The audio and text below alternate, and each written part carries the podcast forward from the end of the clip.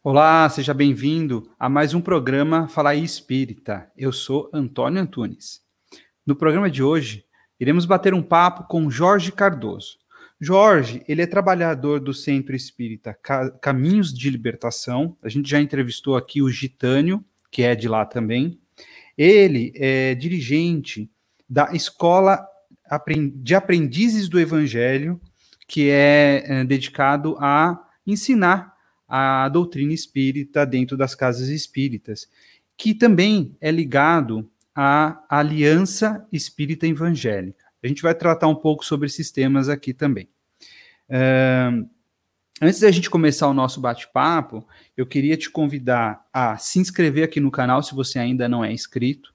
Se você gostar desse vídeo, a deixar o seu like aqui e também a ativar o sininho para que nos, nos próximos vídeos, nas próximas, ah, nas próximas, nos, próximos nos próximos programas, você seja notificado de quando ele vier ao ar, tá?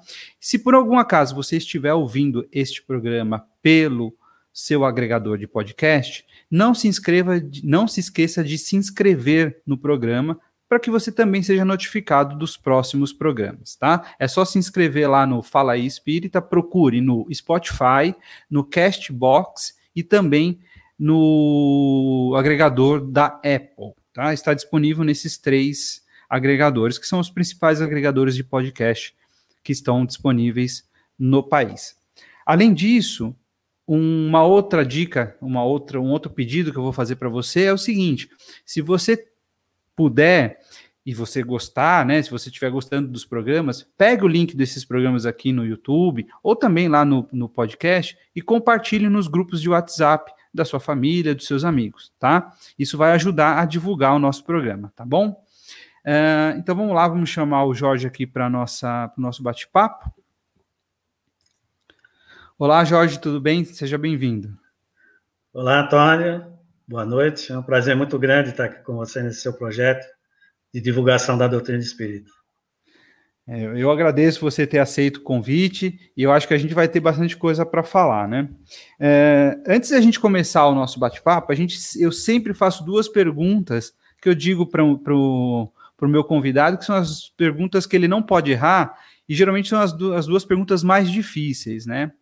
Qual que é a sua idade e onde você nasceu? Muito bem, minha idade, é, os cabelos e o cavanhaque branco já, já revelam, né? É. é. eu tenho 62 anos, eu nasci aqui em São Paulo mesmo, São Paulo Estado. Capital. Capital. E e a gente estava conversando antes da gente começar aqui o nosso programa, né? É, você estava me dizendo que você você cresceu, não cresceu num ambiente espírita, né? Você a, é, a sua infância, você teve você teve alguma educação religiosa durante, a sua infância? Sim, é, eu venho de uma de uma família católica, né? Uhum. Para você ter ideia.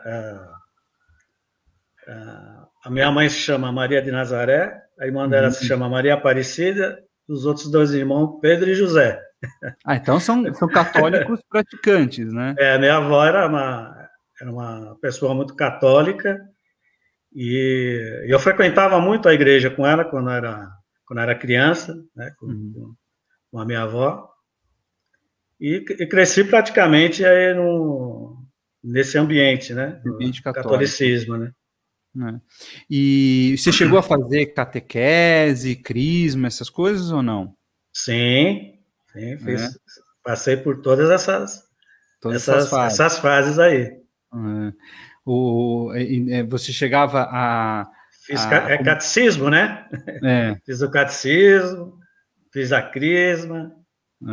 É, eu não cheguei a fazer, não. Eu, eu, eu, eu, fui educado. Eu cresci numa, numa escola católica, né? Mas eu não cheguei a fazer, né? A, a crisma, essas coisas. Não, a, minha, a minha irmã fez. Se eu não me engano, a minha irmã fez a. Não fez crisma, só fez o catecismo, eu acredito. Mas eu e meu irmão a gente não fez, não. E. E aí você, você, então você é de um ambiente católico, é de um ambiente que você ia à igreja, ia à missa, tal, e você, durante a sua infância, a juventude, você não chegou a ter nenhum contato com o espiritismo? Não. É, o, o, contato que eu tive, o que me chamou a atenção para o Espiritismo, foi uma, uma, uma experiência pessoal, familiar. Uhum. Né? Nós somos. Hoje nós somos em quatro, quatro irmãos. Tá. É, na época, em, em 69, nós, nós éramos em quatro irmãos. E o, eu sou o segundo, o mais velho, ele faleceu num acidente, né? Ele foi, ele foi atropelado, uhum. brincando com os amiguinhos na, na rua, e, e desencarnou. Novo? Desen... Com que idade? 12, 12 anos, eu tinha 11 anos na época. Tá. Tinha 11 anos na época. E e isso deixou. A, a, minha mãe ficou muito traumatizada, porque ela não.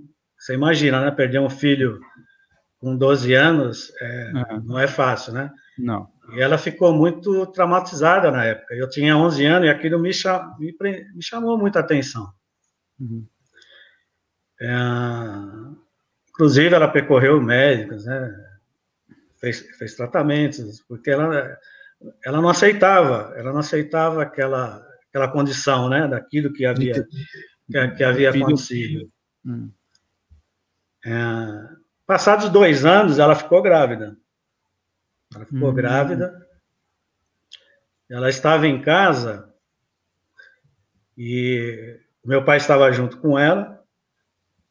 Ela teve isso depois ela me contando, né? Uhum. Parece que teve um, um sono assim muito muito forte, ela deve ter entrado num estado de sono, de sono, que ela precisou deitar, meu pai até acomodou ela. Uhum. E nesse momento ela eu, é, ela se viu, ela se viu conversando com meu irmão. Meu irmão, se, apresen se, apresentou a ela. Uhum. E, e ela conta, né? Conta até hoje, essa é uma, uma experiência muito marcante. Que ele, ele disse: Olha, mãe, não, não precisa ficar triste, só não precisa ficar. Porque eu estou bem, onde que eu estou, eu, estou estudando, né, eu continuo, eu tenho atividades, né, e isso me chamou muito, muito atenção. Uhum. E ele disse, olha, e a senhora vai ter uma menininha que tanto a senhora, que a senhora quer. Uhum. E naquele tempo não tinha ultrassom, né? É verdade, é verdade. É isso é agora, né? A gente, a, o sexo se descobria no, no, momento do nascimento, né? No momento do nascimento. E, e, assim se cumpriu. Ela tem 71, nasceu a, a minha irmã, a caçula, hum. e, e se cumpriu aquilo que ela falou. E depois, mais tarde, mais tarde, isso foi em, em 87, eu tive uma prima também que desencarnou, é, é, prematura, e essa minha tia tinha ouvido falar do Grupo Noel. Não sei se você conhece o Grupo Noel, lá na Não. Vila Mariana, da Dona Marta Galego Tomás, eles fazem trabalho de psicografia. Não, não conheço. E elas e ela chamou a minha mãe e falou: ah, vamos comigo, tá? Quem sabe eu, eu, recebo uma mensagem, né, da, da Maria Amélia. Uhum. A minha mãe foi, foi com ela, com, acompanhou. E, e ela colocou o nome do, do meu irmão também nesse dia. Claro, né? É, ela aproveitou e colocou. Ela recebeu uma mensagem do meu irmão, psicografada, em 87. Hum. E, e, e, essas são as, são as experiências que me chamaram muito a atenção, né? É, essa, essa, essa, essa conversa, né, esse desdobramento que sua mãe teve para conversar com seu irmão, é, ela te contou isso uh, quando? Antes da, da, sua irmã nascer ou bem mais de, não, bem não foi antes, foi antes. E, e, hoje a gente, nós entendemos que na verdade hum. ele não se materializou, porque meu pai hum. estava junto. Sim, se, sim. se, ele tivesse materializado, é. seria visível também para o meu pai. Sim, meu, meu, pai não viu, hum. só ela viu. Então, ela, ela, dur, ela dormiu é, e, e, logo em seguida ela conversou, ela, ela deve. Ela, teve um desdobramento, né? Que nós é, chamamos. Um é, é, um fenômeno mediúnico de desdobramento que o espírito vai, a espiritualidade tem a interação na espiritualidade. Sim. E, e ela contou para você antes da sua irmã nascer? Antes, antes. Ela falou: Ah, é, sonhei com sonhei com seu irmão, ele me falou que eu vou ter é, Mas ela não, ela não fala assim que eu sonhei, ela fala que é, é como se fosse uma experiência real mesmo. Sim, e sim. É, e nós temos a, é, testemunhos, é, os trabalhos mediúnicos que nós participamos, os médicos que são conscientes, quando volta do desdobramento, eles têm a consciência, é, é como se fosse uma experiência real mesmo. Sim. Não é, a gente até quando é que muita gente, como não tem o conhecimento, chama de sonho, né? E eu acho que é por isso que eu, eu falei, né? Então, falar, ah, sonhei com, né? Eu, é, nós mesmos, né? Esses dias eu sonhei com, com meus avós paternos, né? E mas você acorda de manhã e você tem aquela sensação muito forte da presença, né? Então eu, eu sonhei com meus meus fazia muitos anos. Meu meu meu avô morreu acho que em 96. Peraí, eu não me lembro. Minha avó morreu em 96 e meu avô morreu em 94. Eu não me lembro agora os anos, mas assim, foi na década de 90. E fazia muito tempo que eu não sonhava com meus avós. E eu sonhei com os dois na casa deles lá. Eles, e assim, a sensação, por que que eu falo, né? Porque eu sonhei com eles e tava toda a família, tava eu, meu pai, meu irmão, a, a, a minhas tias, tava tudo lá e tava, e, e tava um clima de festa, sabe? Porque meus avós estavam indo lá visitar, entendeu? Então eu falei, eu até liguei, passei uma mensagem pro meu pai e falei, pai, eu sonhei com o vô, com a avó, ele tava lá em casa, lá na casa do, da, da Dalva, né, que é minha tia, e falei, eu sonhei, ele tava lá. então, quando a gente sonha assim, a gente tem essa sensação forte, né? A gente sabe que provavelmente a gente teve com, com, com a pessoa que a gente sonhou, né? A gente, sei lá, eu, por exemplo, consigo diferenciar uma coisa com a outra, né? Que você sim, é. é aquela sensação, você acorda de manhã com uma sensação muito forte, né? Com é, uma, é um sentimento muito forte da presença, da proximidade da presença da pessoa, né? Exatamente. É, no curso de métodos nós aprendemos a fazer essas diferenciações dos sonhos, né? Ah, legal. É, o sonho, quando ele é, ele tem início, tem meio, tem fim, ele tem um, um enredo bem definido, e você sabe contar, como você está tá colocando é. agora, e são é, experiências efetivas na espiritualidade. Sim. Agora, aquele sonho, e em geral, é, esses sonhos são coloridos, tá? Eles são coloridos. Sim, é colorido. É colorido, é. Né? E sonhos assim que não tem pé nem cabeça, não é colorido, nós não, não, conseguimos definir, não conseguimos contar, são é, exteriorizações da nossa própria mente, né? Sim. Então, Hoje, com os conhecimentos que, nós temos do, do Espiritismo, gente, eu, eu, tenho certeza que ela teve uma, uma experiência efetiva na espiritualidade. Sim, claro. Tanto é que o, o, o seu irmão contou para ela que, que, que, iria nascer uma irmãzinha, né? Então, Exatamente. É, é. Exatamente. E, e, então, aí você teve essa experiência, aí teve a experiência depois em 87 com, né, com a psicografia de um, de um de, um, de uma carta desse seu irmão para sua mãe. Mas aí você já, já tinha iniciado no espiritismo ou ainda não? Não, ainda não. É, eu me casei em 81 hum. e eu, o meu, eu, eu sou contador e o meu trabalho sempre tomou muito tempo de mim. Certo. Então, é, os, os, trabalhos nessa área são. A gente é muito exigido, né? Tem data para tudo. Sim. E é, eu, eu, eu entrei. Eu sou advogado na área tributária, então eu sei como que é. Exatamente. E eu, em 86, eu entrei na, na Cargill Agrícola e eu trabalhei aqui em São Paulo e era muito transferido. Eu fui transferido para Paraná, Ponta Grossa, trabalhei no interior de São Paulo. Então, eu não tinha muito tempo aí para para me dedicar, né? Para eu hum. tinha assim a curiosidade, mas não tinha assim muito tempo para me dedicar. O meu mas trabalho chegava... tomava... E não chegava a ler nenhuma, nenhum, nenhum livro espírita, nada? Não. Eu comecei a tomar o gosto pela leitura quando eu fiz as escolas de aprendizes do Evangelho. Tá.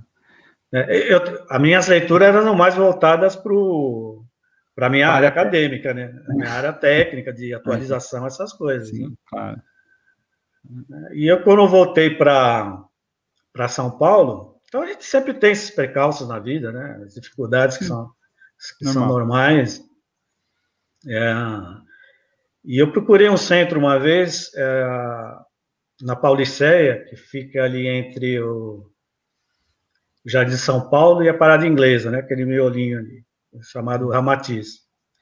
E aí eu fiz, eles tinham lá uma assistência espiritual também, como nós temos na, né, na, no Caminhos. na meditação. Falei, olha, você tem, tem mediunidade, você precisa trabalhar sua mediunidade, desenvolver. Hum. Mas e eu participar, o, oi. O que que te levou aí procurar, aí no centro? O que, o que que te motivou? Falou, hoje eu vou no centro, amanhã eu vou no centro. O que que te motivou? Porque você então, já tinha essas experiências, né? Mas não, isso não fez você ir. Teve alguma coisa que falou, eu preciso ir lá? Então, Antônio, é, nessa circunstância nós somos meio que conduzidos. Sim, é, a gente sabe. É, é isso que eu quero é. saber. Eu quero saber qual foi a condução que te levou até lá. E eu, eu já estava pensando, ah, eu frequentar então esse centro aqui, eu vou seguir essa, essa orientação aí, né? Porque hum. algo me dizia que, algo me puxava para isso, né? Tá. E, e eu morava, essa época, aqui na, na, na Avenida Santinês, aqui pertinho onde eu moro hoje, aqui no, tá. no Lausanne, né? Tá. E passando de ônibus, né? eu descia, é, do ponto que eu descia para ir para minha casa, várias vezes eu descia ali e não via que tinha um centro espírita. Ah, então. Em cima de um bar. Olha só. E aí eu vou, certa vez voltando de para casa, eu dou, olho assim para cima, vejo na Centro Espírita Caminhos de Libertação, do lado hum. de casa. Hum. Aí eu procurei o centro. Hum. Não, mas então, mas é, você está falando do Caminhos de Libertação. Isso, eu procurei. Não, não, mas e... o, o, o, outro lá, o anterior que você foi. Então, em vez de eu ir eu ah. frequentar o Ramatiz, hum. que era lá na Paulista, eu falei, é, eu vou, deixa eu ver aqui como é que é, né? Quem sabe aqui tá. eu, tô, eu me, me, também me enquadro aqui nessa. Perto de casa, mas perto de casa, do, do, lado de casa, né? Hum. E aí fui, é, é, fui ao centro, né? se me falha a memória, fui recebido pelo João Paulo, que é um dos, foi um dos fundadores hum. né, do, do, centro. Aí conversando, eu falei, olha, gente, nós temos uma, uma escola aqui de, de aprendizes, né? Tá no curso básico, você não quer começar? Hum. Aí eu falei, eu quero. Aí eu fiz a inscrição, hum. né? comecei a, a frequentar a escola de aprendiz do evangelho e estou até hoje lá, 25 anos. É. O, o, então, então lá no, lá é no Ramatiz, né, que você foi, que você falou, o primeiro. Você chegou aí lá, assistiu o quê? Uma palestra, tal? Eu, participava da assistência espiritual deles, né? Uma hum. assistência espiritual. Tá. Mas não teve nenhum, nenhum evento familiar, alguma, alguma dúvida, alguma coisa? Você falou, ah, deixa eu entrar aqui, talvez achar. É, foi, foi porque você estava com aquilo na sua mente? Não. É, eu, é, eu fui meio que conduzido. Conduzido. Tá. Eu estava buscando alguma coisa uhum. né, que, que, fizesse sentido para mim. Tá. E, e no, no Ramatiz, como eles deram essa, essa, essa avaliação de mediunidade, uhum. eu falei, deixa, deixa eu ir prosseguir. Não te assustou Oi? isso? Não, te não. assustou isso? Não. Não, não me assustou. Porque é, às vezes as pessoas né, ficam surpreendidas porque não tem o conhecimento, não, não sabe o que, que é, às vezes se assusta, né? É. Eu, eu, eu, eu, conheço gente que já assim fala, ah, você tem, é melhor você ir. Não, não, não, não quero, não. Não, não, não vou procurar isso, não. Fica com medo, né? Entendeu? É. Então, nesse ponto, é, hum. Nós, na Aliança Espírita Evangélica, nós trabalhamos totalmente diferente. Tá. É, a pessoa que chega à casa, que tem esses sintomas já aflorados de, de mediunidade, hum. é, ela nunca é conduzida prime, primeiro para um curso de médios. Não, ela vai. Ela, ela precisa, vai... ela precisa cursar a escola de aprendiz do Evangelho, uhum. que é uma escola iniciática, é uma iniciação uhum. espírita evangélica. Uhum. É, aí, a certa altura da escola que era convidada a fazer o curso de médios. O, então, é, vamos, vamos falar um pouco sobre a escola. É, você, então, você prime, o primeiro contato lá, então você já no caminho de libertação já iniciou fazendo o curso da escola evangélica, né? Da escola espírita, né? Na, como que é que funciona esse curso? Uh, explica para mim. Então, a escola de aprendizes do Evangelho, hum. ela é, não é uma, uma escola para ensinar doutrina. Tá. É, ela é uma iniciação espírita evangélica. Tá. Ela tem como ela é inspirada na situação da Palestina ao tempo de Jesus e na fraternidade essênia. Tá. Então, é, o, seus objetivos é trabalhar gradativamente os nossos vícios, os nossos defeitos, né, e buscar adquirir é, é, e desenvolver virtudes cristãs. Tá. tá então, é um, é, é um processo iniciático.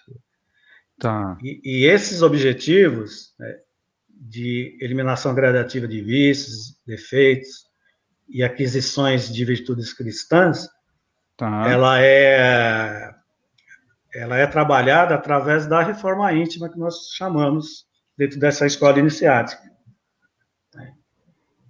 E na qual a vivência de Jesus é a condição fundamental. A vivência do Evangelho de Jesus é a condição fundamental. Tá. Então, lógico, por ser uma iniciação espírita, necessariamente nós precisamos entender um pouco de doutrina. Claro. Por isso que nós sempre começamos as escolas de aprendiz com um curso básico de espiritismo, que é para para uniformizar, mas esse não é o objetivo principal das escolas. O objetivo principal das escolas é nos tornarmos pessoas melhores. Então, processo iniciático gradativo, que à medida que você vai avançando nos graus iniciáticos, você vai adquirindo uma maturidade espiritual é, diferenciada, que você nunca vai ser a mesma pessoa que era antes. Sim. Então, é, a, a escola ela começa com a parte doutrinária para você ter uma base da doutrina, é isso? Isso. Tá. Porque então, é uma iniciação com base na doutrina espírita, claro, no Evangelho é, de Jesus. Então, necessariamente você precisa entender, você precisa uniformizar conceitos para que a pessoa possa é, ter um, é, ter um aproveitamento melhor. Constrói o, obje é, o objetivo principal não é ensinar a doutrina, é a transformação do ser humano. É dar instrumentos para que a pessoa que está fazendo o curso possa enxergar eventuais vícios que ela tem, eventuais é, condutas que não estão de acordo com os valores cristãos, eliminar esses, essas condutas e adotar uma conduta diferente dentro da, dos valores de, de, evangélicos, é isso? É, exatamente. Então, é, é, é, vícios, os, nossos, os vícios materiais né, e mesmo hum. de ligados a sentimentos, nossos defeitos, egoísmo, orgulho, prepotência. Então, é, numa escola iniciática, principalmente na escola de aprendiz, você trabalha esses sentimentos e procura adquirir as virtudes opostas através da praticagem. Então você precisa identificar e a escola ela te dá instrumentos para isso. Tá. Né? Então você identifica naquilo que você precisa se melhorar, né? E procura praticar a virtude né? É, oposta àquele defeito que você está identificando. Né? Nós temos lá no livro dos Espíritos, a pergunta 919, qual o melhor uhum. meio de, de se melhorar nessa vida? Santo Agostinho responde, né? Fazer como um sábio da antiguidade. Conhece-te a ti mesmo. Né? Fazer como eu fazia, né?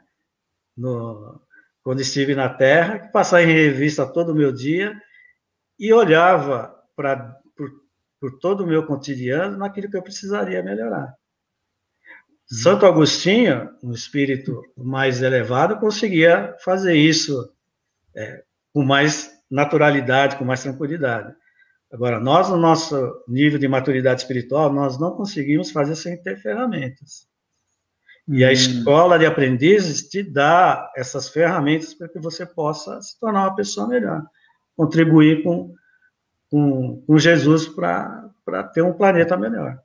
Entendi. É, porque o que você está dizendo tem todo sentido, né? Eu não sei se você conhece, o, tem um psiquiatra canadense chamado Jordan Peterson. Já ouviu falar dele, não? Já ouvi falar. É, não tem nada a ver com o espiritismo, né? Mas ele tem, ele, ele segue muito uma linha disso mesmo, entendeu? É, ele critica muito algumas, algumas atitudes de pessoas que querem mudar tudo tal, mas ele fala assim: foca na sua vida, né? Arrume o seu quarto, arrume a sua, a sua cama, entendeu? Cuide do seu lar. Depois é, é, é, mais ou menos isso, né? A gente tentar se arrumar, consequentemente, a gente consegue expandir isso para, para, para o nosso redor. É isso ou eu estou enganado? Não, é por aí. Porque hum. nós temos a tendência, é uma tendência natural, em decorrência desses, desses sentimentos que nós nutrimos e que nós trazemos nos primórdios da nossa evolução. É, então, é, essa tendência natural é que tudo que ocorre com a gente é culpa do outro, nunca é da gente. Sim. E a, e a escola mostra que nós somos é, os construtores do nosso destino. Sim, sim. Nós somos responsáveis pelo que acontece com a é, gente. Né? É, é, exatamente. Nós temos o, o livre-arbítrio. Agora, o livre-arbítrio traz responsabilidade. Né? É, nós fazemos as nossas escolhas, mas também tem as nossas responsabilidades. Sim. sim. E a escola, ela, então, ela, ela tem uh, quanto tempo dura esse, esse, esse, esse curso que da escola? Então, a escola, ela uh, tem cerca de três a três anos e meio. Tá. Né? É, e, e como, que ela, como que é estruturado o, vamos dizer assim, o, uh, o, o, conteúdo dela? Como que é estruturado esse, esse curso de três anos, três anos e meio? Primeiro tem um semestre, como que é, como que funciona essa evolução? Então, é, nós iniciamos com o curso básico, como eu te disse, hum. que é para uniformizar, né, ter uma uniformidade ali no, de alguns conhecimentos espíritas. Tá. Quando nós ingressamos na escola de aprendizes, é, nós iniciamos estudando o Velho Testamento? Olha que legal. Depois passamos a estudar a vida de Jesus. Tá. Né? Estudamos a vida de Jesus, também estudamos o, o, os Atos dos Apóstolos. Né? E depois é, é, é, passamos a estudar mais a parte da terceira revelação, mais a, a doutrina espírita. Tá. Né? Aí, ao longo, ao longo da, das escolas, a escola tem graus, né, uhum. de aprendiz, servidor e discípulo, né, que é o terceiro tá. grau da iniciação. É, dentro desse percurso, você, a escola vai te dando ferramentas para esse autoconhecimento. Sim, para essa reforma íntima que você. Isso. Que, você, que a escola visa. Né? Exatamente. Tá. Esse é, esse e é assim, é, olha, é bem diferente, né? Como eu tenho, eu tenho a minha, o meu conhecimento dentro da doutrina, mais dentro do tradicional, da Federação Espírita, tal. Essa é, é, uma, é uma metodologia diferente. É, eu não conhecia essa metodologia que você está me dizendo. Isso, isso, toda essa estrutura, ela é organizada pela Aliança Espírita Evangélica? Não, na verdade, as escolas começaram na federação. Primeira ah, escola é? de, é, a primeira escola de aprendiz do Evangelho, ela começou em 6 de maio de 1950. Aliás, hum. semana que vem vai, se completa 71 anos das escolas de aprendiz do Evangelho. Tá. Ela foi trazida pelo, pela espiritualidade, trazida pela espiritualidade, né, e é, através de, do Edgar Armon, que, né, uhum. que foi secretário da Federação é, por muito tempo, de 39 a 67, quando ele, quando ele se afastou. Tá. É, ele se afastou da federação em 67 por motivo de doença. Então, praticamente aí 28 anos, né? Uhum. Então, é, é, além de estruturar os trabalhos de assistência espiritual como nós temos hoje, uhum. por exemplo, você vai na federação, você trabalha de assistência espiritual, tem toda uma similaridade com o que tem na Aliança Espírita Evangélica. Ele também foi o fundador da USE, em 1947. Hum. Né? E a Aliança ela foi fundada em 73, porque depois que o, o Edgar Amon se afastou, hum. a federação mudou muito o modo de trabalho tá. que eles tinham. Eles têm lá a escola de aprendizes até, até hoje, mas é de uma forma diferente, diferente, diferente da nossa, porque teve essas, essas nuances, essas mudanças. Tá. E aí um grupo é, da, que acompanhava, que, que, tinha na federação, que tinha mais afinidade com o trabalho que o Armão tinha, eram mais ou menos 10 casas, se não me, me falha a memória, é, procuraram o comandante, o comandante incentivou, por que vocês não incentivou a abrir, a, a fundar a aliança, né? Hum. E a aliança foi fundada em 4 de dezembro de 73, né, com, com esse objetivo, né, principal, né, de manter a, as escolas de aprendizes do Evangelho, os cursos de médiums. Né, o primeiro tá. curso de médios foi lá na, na Federação, foi implantado também pelo Armon. Uhum. E assim nasceu a aliança. Tá. E você estava comentando aí sobre, sobre a parte né, do estudo do Velho Testamento, Novo, Novo Testamento, a vida de Jesus. Qual que é a, é, qual que é a base bibliográfica que, que é usada para além provavelmente vocês estudam a Bíblia, o, o a, né, a, a, Bíblia, mas qual que é a base bibliográfica para o estudo da vida de Jesus? Nós temos o livro hum. que, é, que, foi escrito pelo Armand, o Redentor. Tá. Então, nesse livro, é, nós adotamos esse livro como é o livro de estudos, é, é, é, o, é o livro base para uhum. o desenvolvimento das aulas. Agora, não necessariamente você ficar, precisa ficar preso somente ao, claro. ao Redentor. Os expositores, é, porque a dinâmica de aula não é toda, são aulas semanais, tá. e, e, cada semana tem um expositor convidado. Não é, as aulas não são todas do, do, do dirigente. Algumas aulas específicas são do dirigente. Tá. Agora, a maioria são expositores convidados. Então, quando você vai, eh, os expositores vão dar uma, uma aula nas escolas de aprendizes, eles não se prendem somente ao livro-texto, né? eles buscam outras literaturas. Claro. E temos também para o Velho Testamento e para a Terceira Revelação, Iniciação Espírita. Uhum. Iniciação Espírita, você fala, é, é, é, é do Edgar é, são, são vários autores, né? Tá. É um grupo de, de, de pessoas que. Porque quando começou a, as escolas, em, em 1950, eram fechados em fascículos, lembra? Tinha aqueles eram fascículos que eram distribuídos, depois foram fechados. Hum. Né? Os expositores iam dar as aulas, hum. né? elaboraram esses fascículos, depois foram fechados nessa. condensaram na iniciação espírita, que hum. hoje é, é adotado pela nas escolas de aprendizes do Evangelho. Mas é, são vários atores. Tá. Então tem o Edgar Amon contribuiu, Flávio Focácio, Jacques Conchon, o Valentim Lorenzetti. Tá. É. Interessante. São, são praticamente os fundadores né, da, da aliança. É. é.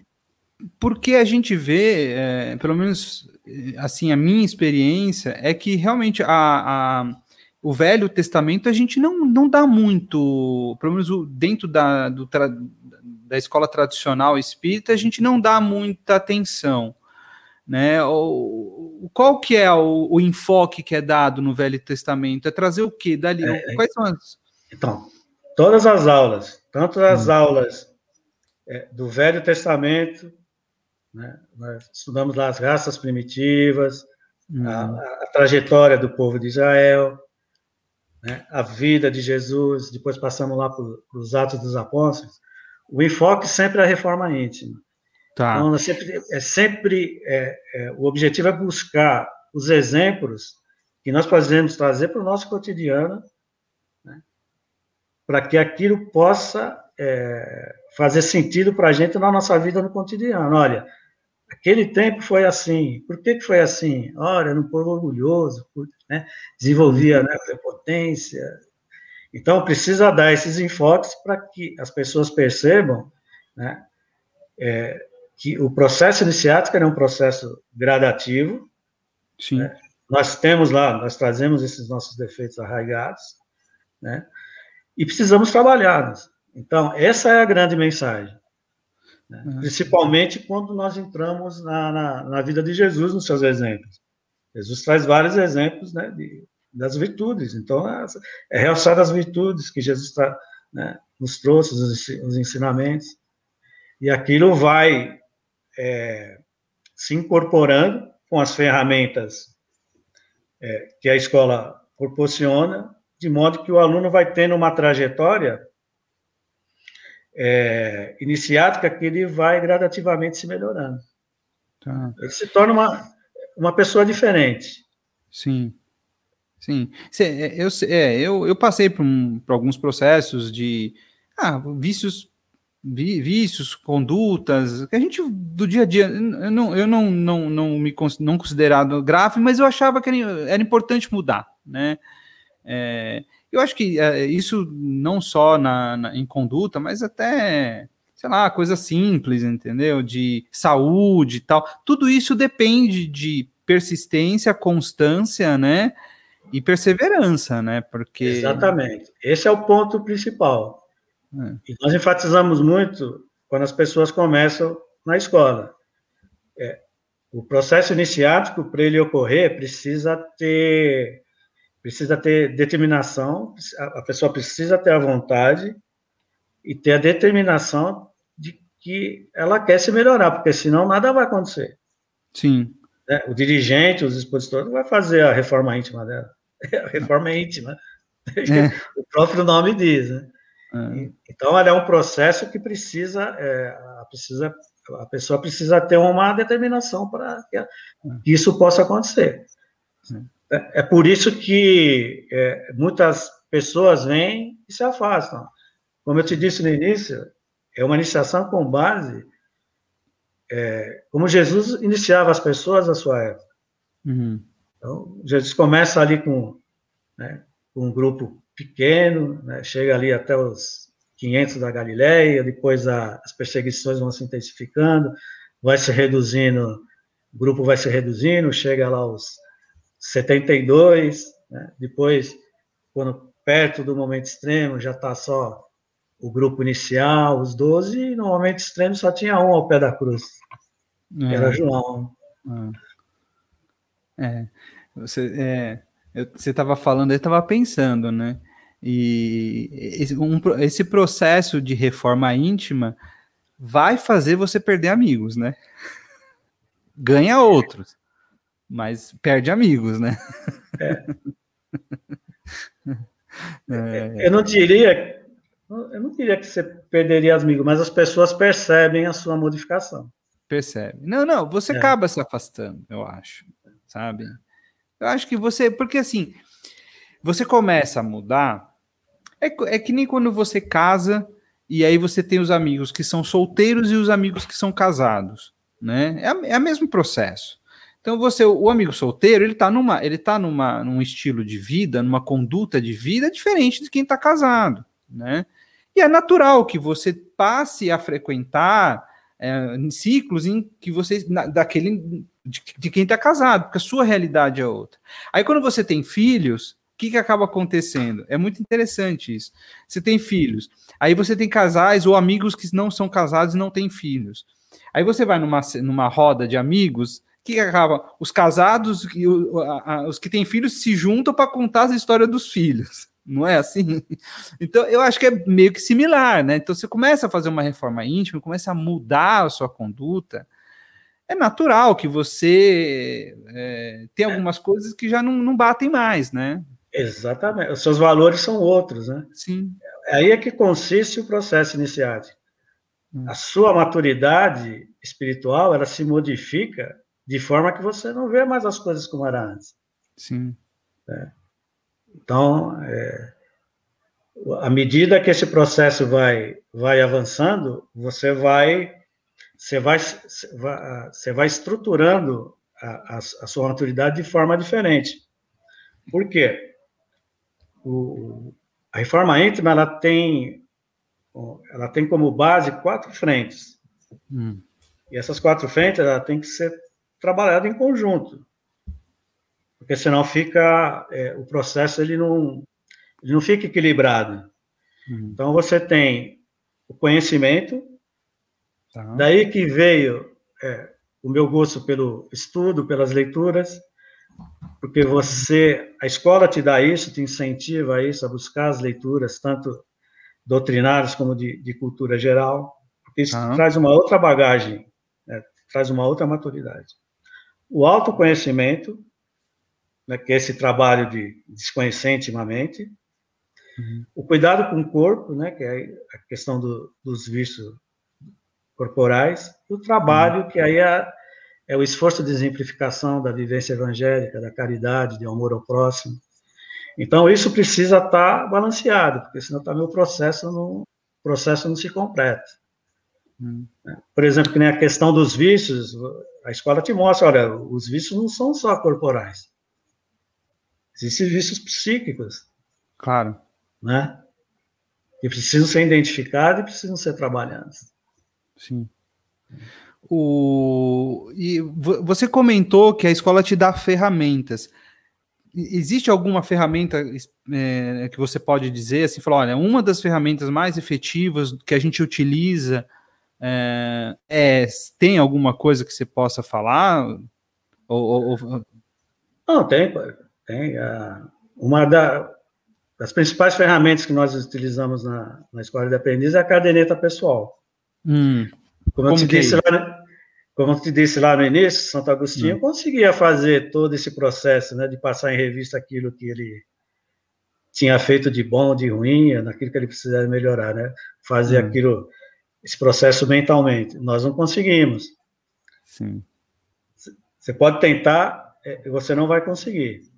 É. Então, a caderneta é uma ferramenta que a escola te te, te oferece, onde você pode fazer as anotações, né, é, de forma a identificar, dentro de uma circunstância, de um acontecimento que, né, que, que você enfrentou no cotidiano, uhum. você identificar o vício, o, sentimento, o, de, o, o defeito que está ali envolvido e buscar a virtude contrária que é o que vai denotar o esforço de, de modificação de reforma íntima.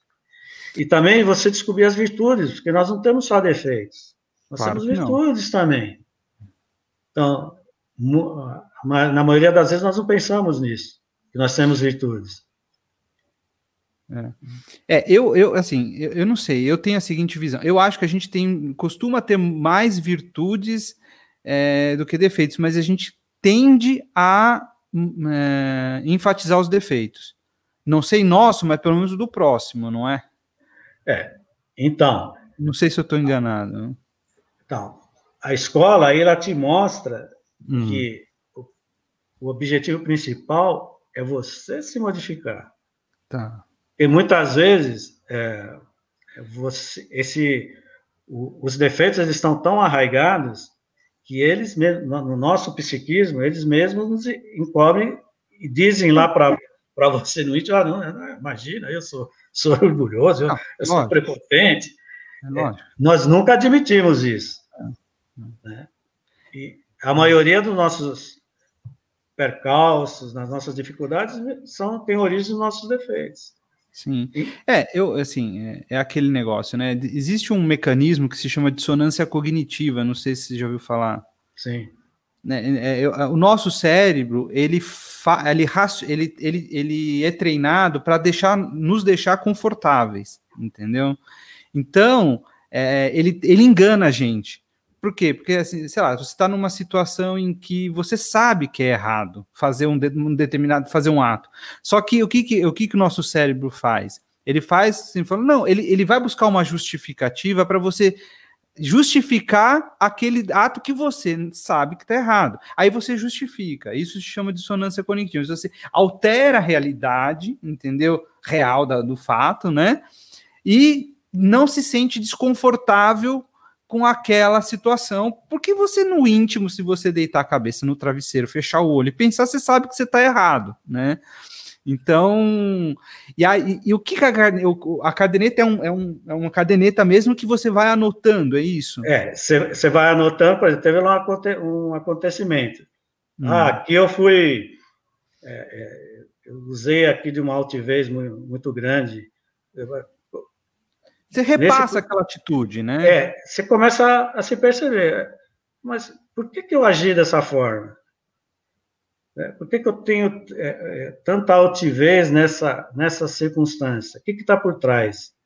É orgulho? Eu não quero admitir que, é, que uma, uma, pessoa pode falar uma coisa diferente de mim, hum. por exemplo.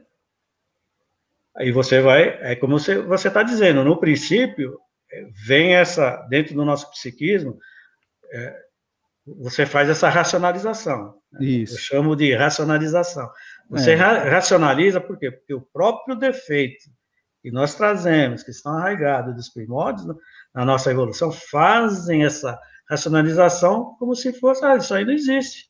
É. Esquece isso aí. Mas, na verdade, você é daquele jeito. Sim. E isso nós é, detectamos quando os outros é na interação com os outros. Sim. Por isso que a reforma íntima é um processo que não é é um processo iniciado que não é feito é, é, isoladamente. Ele precisa da interação, claro. né, com as com as pessoas para você se descobrir naquilo que você precisa melhorar. Entendo. E, e, e, essa caderneta que você vai anotando, ela te, depois quando você sei lá, você vai fazendo isso ao longo do tempo, ao longo dos anos, e aí você pode ir buscar lá no começo e, e reler. Exatamente, exatamente. Uhum. Essa é uma das vantagens da caderneta, porque você pode se remeter à caderneta, né? Uhum. Nós orientamos que as anotações sejam feitas, sejam datadas. Tá, né? legal. Deite, é, falar da circunstância, colocar o sentimento que está envolvido, o defeito que está envolvido, e buscar ó, qual é a virtude que eu preciso trabalhar aqui. Tá. E isso, ao longo do tempo, quando você se remete às primeiras anotações, você vai vendo como você vai se modificando. Isso é de uma é. riqueza muito grande. E, é, e essa, essa ferramenta é inspirada na forma como os essênios faziam a iniciação na época de Jesus. Né? Nas suas passagens de graus, os essênios faziam anotações em pergaminhos, uhum e se, né, e se olhavam, né, como eles tinham ido, o que, que eu preciso melhorar, o que, que eu preciso fazer, né, e faziam lá suas anotações. Então, o, o Armão, quando implantou a espiritualidade trouxe através do Armão a cadência do pessoal, foi inspirada nos essênios. Porque aí também tem uma história, né, se, se você me permite. Por favor. Em 50, quando a foi inaugurada a Escola de Aprendizes do Evangelho, ela começou a tomar um ritmo acadêmico. Tá. E a espiritualidade sempre orientava o Armand, dizendo, eu falei, ah, esse não é o objetivo. Né? E, e ele ficava, o Armand ficou muito com essa preocupação. O que, ele podia fazer para que trouxesse as escolas para o rumo certo, no rumo da, da evangelização. Tá. Né? De crescer espiritualmente através dos ensinos de Jesus. E ele, certa vez, é, ele estava em, sua casa, é, o espírito de Hilarion de Montenegro, que foi contemporâneo de Jesus, foi um, um tá. né, o intuiu para que ele lesse uma obra chamada Harpas Eternas, que é uma obra de quatro volumes, uhum. psicografada pela, pela uma média argentina, Josefa Lux Álvares, onde está narrada é, é, em detalhes toda a vida de Jesus e também narra a, a iniciação essênia.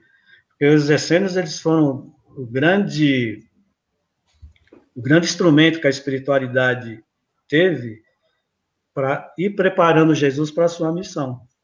Hum. Então, todo esse tempo que Jesus é, que nós não temos muitas notícias no, nos evangelhos, Jesus estava entre os essênios. É, na, na, você está falando na, na, fase da infância e, e juventude. Da infância, isso, exatamente.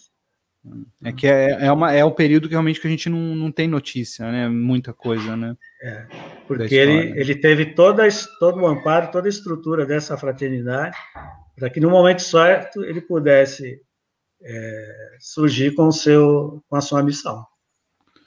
Interessante. Hilarion, Hilarion é, foi contemporâneo né, de Jesus. E ele que intuiu o Edgar Armand. Edgar Armand a ler essa obra, uhum e nessa obra, lendo lá a forma como os essênios faziam as suas passagens de grau, hum. ele trouxe, ele introduziu a caderneta pessoal. Ou seja, é, é uma condução da espiritualidade, né? Sim, claro. Espiritualidade. É. Nós é temos outras ferramentas também. Né? Nós temos Evangelho no Lar, como também tem caderno de temas, antes da, da caderneta pessoal, nós temos o caderno de temas, onde você apresenta um tema e a pessoa é, desenvolve um tema é, e, motivado para aquele tema que você está colocando. Então, tá. é, é, um início para a caderneta pessoal, né? Para tá. trabalhar a caderneta pessoal. Ah, o, não, é, o, o, evangelho no lar é algo. É, isso é bem disseminado na, na, na doutrina, né? Apesar de não ser ainda, não ser uma conduta de todo espírita, né? mas acho que o espírita que é, vamos dizer, praticante, né, faz o evangelho, pelo menos deveria fazer o evangelho no lar, né? E para quem não sabe, o evangelho no lar é simples, né? Eu vou, eu vou falar, você vai fazer uma prece, fazer uma lei, é, em seguida uma leitura de alguma parte do, do, da doutrina espírita, pode ser do Evangelho, segundo o Espiritismo, você pode abrir em qualquer lugar e ler um capítulo, uma pergunta do, do Livro dos Espíritos, por exemplo pode comentar, né, fazer um comentário entre você, a sua esposa, a sua família, do que, que se entendeu aquilo. E uma prece final, deixa uma água, pede para que a água seja energizada durante a prece. E isso pode ser uma, né, uma vez por semana, sempre no mesmo horário, no mesmo dia, né? E isso faz com que a, o celular fique protegido, né? Então, para quem não faz ainda o evangelho do lar, esta é a regrinha simples. Eu aprendi com meu pai e com minha mãe. e eu é faço, isso aí. Eu faço o evangelho no lar desde que eu casei, desde o casei, passei a fazer evangelho no lar, faço todo do era era de segunda, a gente passou para domingo com as crianças nas, quando as crianças nasceram as crianças fazem, eu tenho duas crianças, né? Eles fazem o, junto com a gente. Aí uma forma da gente incentivar as, que as crianças estejam com a gente, a gente lê, a gente faz uma leitura. Tem um hoje, por exemplo, um Maurício de Souza, ele tem uma parceria com a FEB e ele publica alguns livros hum, de temática espírita com os personagens da Turma da Mônica. Então, o que, que eu faço para os meus filhos se incentivarem? Eu leio esses livros para ele, para eles durante o Evangelho. Então, mas então, você sabe que hoje tem o Evangelinho segundo o Espiritismo, viu? Eu já vi também, eu já vi. é. Mas você sabe o que eu estou lendo? Olha só, tem o Violetas na Janela com a Turma da Mônica que eles ah, comentam as, a, os, as, os, principais capítulos, os principais é, ensinamentos do Evangelho do, do Violetas na Janela pra, com, com a turma da Mônica. Aí é a turma da Mônica jovem, né? Que é o Cebola, não é mais Cebolinha, é a Mo, que é a Mônica, é, é bem legal, é bem interessante. As crianças elas prestam atenção. Né? Porque se você vai ler uma, né, o, o Evangelho segundo o Espírito para criança de 5, 6, 7 anos, não vai entender, vai dispersar, vai ficar achar chato. Então, é uma forma de eu, de eu trazer as crianças junto, né?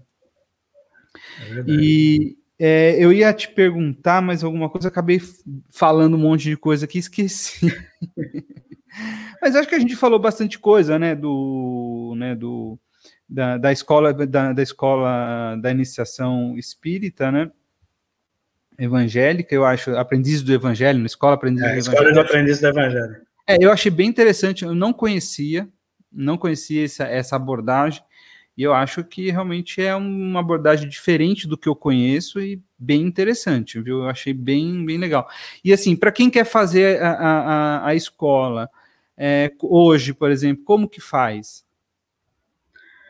Então, nós no Caminho de Libertação, nós estamos com uma turma que está nesse modelo online, já uhum. é a 18ª turma, é, que está com as inscrições em aberto. Então, se a, a, pessoa que tem interesse, nós divulgamos aí no, nos grupos de WhatsApp, né, tá. entre os trabalhadores, e as, tem a ficha de inscrição no, no Google, no site? no site do Google. Tá. A pessoa faz a inscrição. Né, e também é uma experiência nova, né? Porque até então as escolas estavam sendo presenciais. Então, com essa questão da pandemia, que nós estamos aprendendo agora também a trabalhar com as escolas de aprendizes nesse modelo online. Tá. E então eu vou fazer o seguinte: se você me permitir, eu posso deixar o link para fazer a inscrição no vídeo aqui, pode ser? Pode, eu te passo. Eu te passo tá o link. Tá, porque aí quem estiver assistindo essa, e se interessar em fazer, eu acho bem interessante o online, né? É, a pessoa é, é uma vez por semana, qual, quanto, qual que é o tempo da aula? São 90 minutos. 90 minutos. Ela 90 precisa minutos. se dedicar 90 minutos, assistir a aula uma vez por semana. Isso. E tá. a, essa 18ª turma é às quintas-feiras, às 20 horas.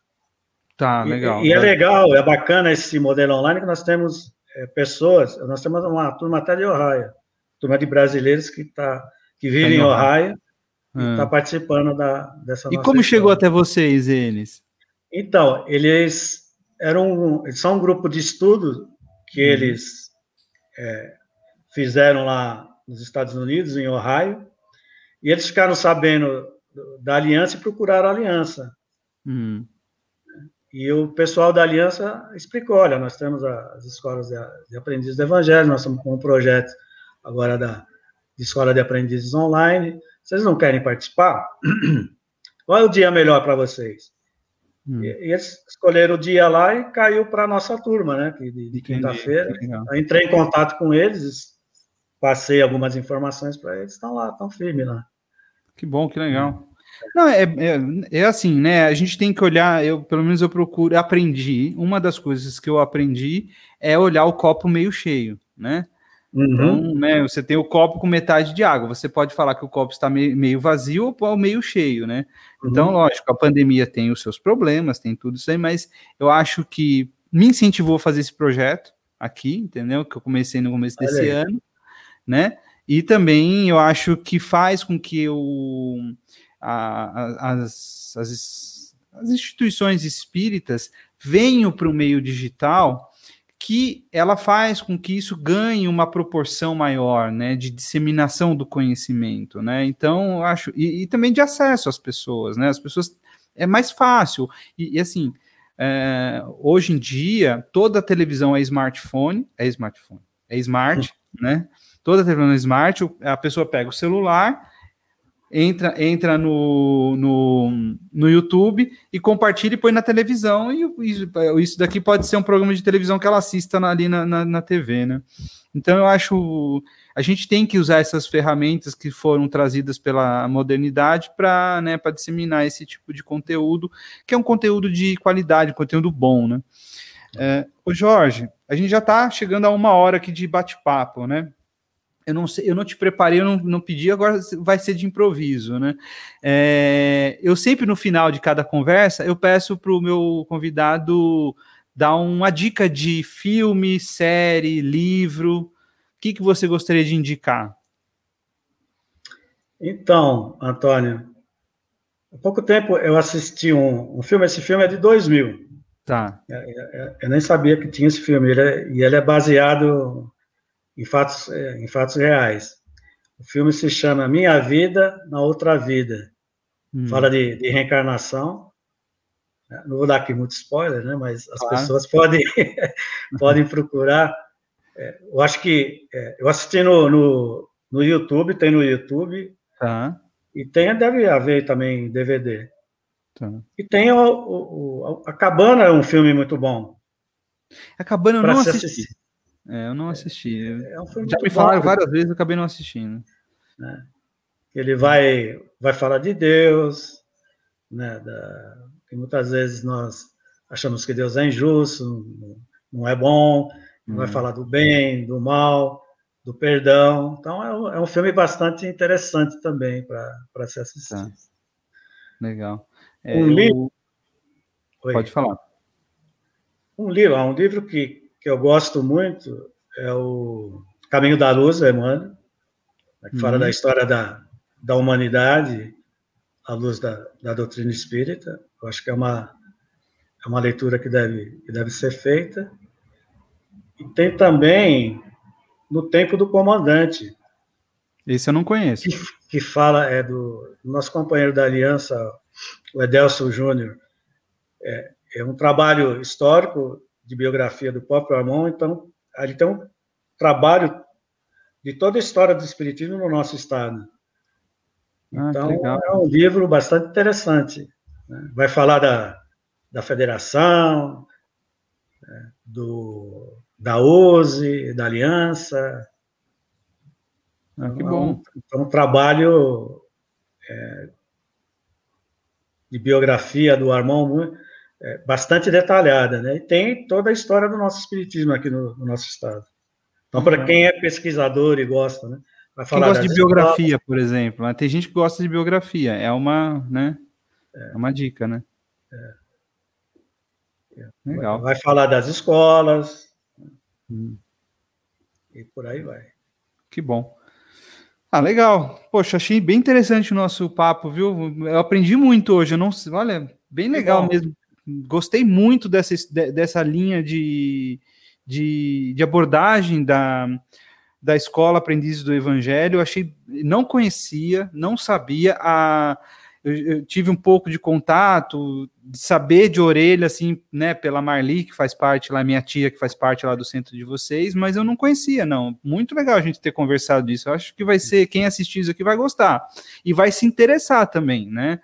É, que, vamos ver se eu, se eu consigo trazer mais alunos para vocês lá. Ah, que bom! eu te passo o link da, da ficha de inscrição. Tá. Aí você coloca aí na, no, no, na, na, descrição do vídeo aqui. Na descrição do vídeo, isso. Então tá bom. Jorge, muito obrigado por você ter aceito o convite. É, foi, uma, foi uma conversa para mim muito, muito prazerosa, muito gostoso de saber tudo isso. Eu achei bem legal. Cada conversa que eu tenho aqui, eu saio cada vez mais motivado. Acho que está sendo bem, está sendo muito bom para mim. Eu acho que se for bom para mim, já para mim já está sendo suficiente, né? Se eu, e se eu conseguir tocar mais uma pessoa, então já, já acho que eu já fiz o meu papel, sabe? É... Que bom, muito bom. Gostei bastante também. Obrigado pela oportunidade. Eu que agradeço. Até logo. Até logo. Um abraço.